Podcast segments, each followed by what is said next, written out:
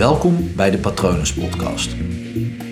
Mijn naam is Paul Vet en in deze podcast deel ik inspiratie voor een leven vol vrijheid en verbinding.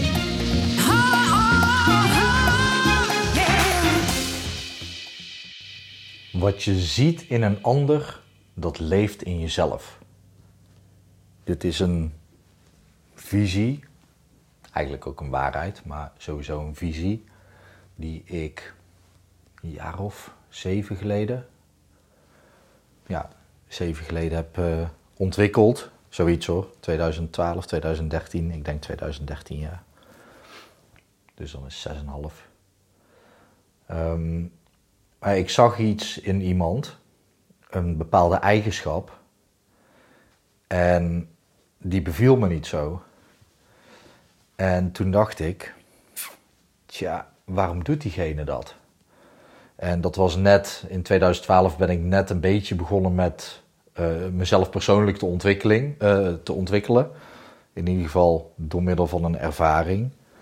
En ergens in 2013 ben ik daar ook over gaan lezen, ben ik cursussen gaan volgen. Ik ben gestart met een mindfulness cursus en toen maar meteen ook naar de psycholoog gegaan. En ja, daar of bij de cursus of bij de psycholoog kwam ik daarachter. Um, dus ik zag een eigenschap in iemand en die beviel me niet en daar liep ik tegenaan en ik besprak dat met iemand. En toen kwam ik erachter dat ik zelf die eigenschap, um, nou die had ik nog steeds, want een eigenschap kan je, uh, je kan hem wel veranderen, maar helemaal kwijtraken, dat, dat hoeft niet. Ik heb altijd de keuze om, om een bepaalde eigenschap of een bepaald gedrag weer te vertonen als ik dat zou willen. Maar ik kwam er dus achter dat ik een bepaald gedrag vroeger veel heb vertoond. In dit geval was het mijn gevoel afsluiten. Dus ik herkende dat bij iemand, dat iemand wegliep voor emoties. En volgens mij was het toen ik aan het daten was met iemand. En dat beviel me dus niet, omdat ik dacht, ja, ik, uh, ik hou nu van verbinding. Ik uh, toon mijn emoties. Dan vind ik het fijn als jij dat ook doet. En als ik uh, haar dan confronteerde, want zo voelde dat dan voor haar. Waarschijnlijk pakte ik het ook gewoon heel slecht aan hoor. Maar haar confronteerde met haar emoties of gevoelens die ze dan op een bepaalde manier uitte. Of hoe ze ermee omging, wat mij dus niet beviel, omdat dat mij kwetste. Uh, ja, dan renden ze weg. Of ze ging vechten. niet letterlijk, niet letterlijk slaan, maar wel in verdediging en ja, keihard tegen mij ingaan. En mij, ja, mensen kunnen dat. Ik kon dat vroeger ook. Maar mij dan, uh, ik kan het trouwens nog steeds, mij dan wijzen op fouten die ik in mijn leven heb gemaakt. In die korte tijd dat wij aan het daten waren. Dus op zo'n manier uh, vocht zij dan, omdat ik haar op iets wees. En wat ik zeg, ik deed dat waarschijnlijk super onhandig. Uh, nou weet ik niet, ik krijg vaker te horen dat mannen daar over het algemeen wat minder tactisch in kunnen zijn. Maar goed, ik, ik pakte het gewoon slecht aan. Dus dan is het ook wel wat logischer dat de ander zich dan aangevallen voelt en dan terug gaat slaan of gaat wegrennen. Dus uh, letterlijk even niks van zichzelf liet horen. Dat was voor haar echt, uh, echt wegrennen natuurlijk. Voor de meeste mensen is dat een vorm van wegrennen. En toen kwam ik erachter, ja, wacht eens even, ik herken deze dingen allemaal omdat ik die gewoon zelf bezit. En en toen ben ik daar eens verder over na gaan denken. En dat is voor jou nu ook eens interessant om met me mee te denken. Maar op het moment dat jij een bepaalde eigenschap bij iemand herkent, dan kan je die, dat alleen maar herkennen omdat dat ook in jezelf leeft. Dat wil niet zeggen dat als jij een egoïstisch persoon ziet die zich egoïstisch gedraagt in jouw op, uh, oogpunt, dat jij dan een egoïst bent. Dat zeg ik niet. Ik zeg wel dat je het herkent, erkent. En dat je er dan ook best wel achter kan komen dat dat in jezelf leeft. Want ander, iets wat je niet kent, kan je dus ook niet herkennen. Dat, uh, dat gaat gewoon niet. Dat kan je wel willen, maar je zal het eerst moeten uh, erkennen in jezelf om te kunnen herkennen bij de ander.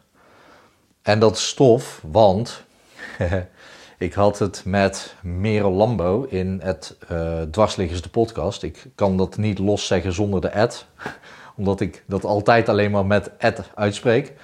Uh, in de podcast zelf om te verwijzen naar de Instagram pagina. Dus daar maak ik bij deze ook reclame voor. Uh, maar wij nemen nou ja, wij plaatsen elke week een podcastaflevering. En die nemen we dan één keer in de maand op voor vier afleveringen tegelijk of iets dergelijks. En wij, hadden, wij hebben dus één aflevering gemaakt over idolen. En ehm, nou, nu heb ik nooit echt een idool gehad, maar waar ik wel heel erg in geloof is in, in mentorschap. En um, wat vet was, was Merel die. Ja, we hadden het over idolen en toen kwam Beyoncé ter sprake.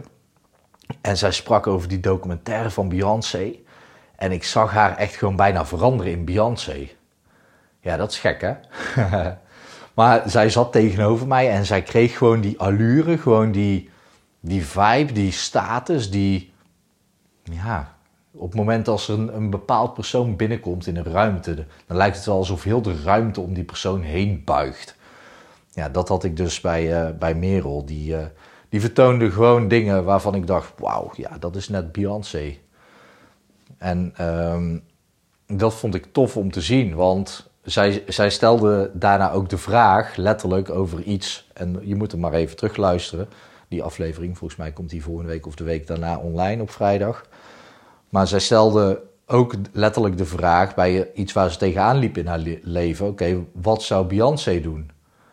En dat is heel krachtig, want dan kan je dus verplaatsen in: oké, wat zou Beyoncé doen? Dus dan herken je ook iets in jezelf, want als je jezelf die vraag stelt, dan betekent dat dus automatisch dat jij datgene ook zou kunnen doen.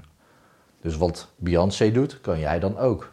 Klinkt een beetje arrogant, maar dat, is, dat vind ik dus het vette aan mentorschap. En uh, ja, ik heb dus geen idool, maar ik heb wel twee duidelijke mentoren. Eén is Tibor Olgers, de ander is Edwin Selei. Tibor Olgers van tibor.nl als business coach. En Edwin Selei, Ed Hypnosekoning op Instagram is de eigenaar van het Hypnose Instituut Nederland, wat inmiddels het grootste instituut uh, wat betreft hypnose is van de Benelux. Heel erg gaaf.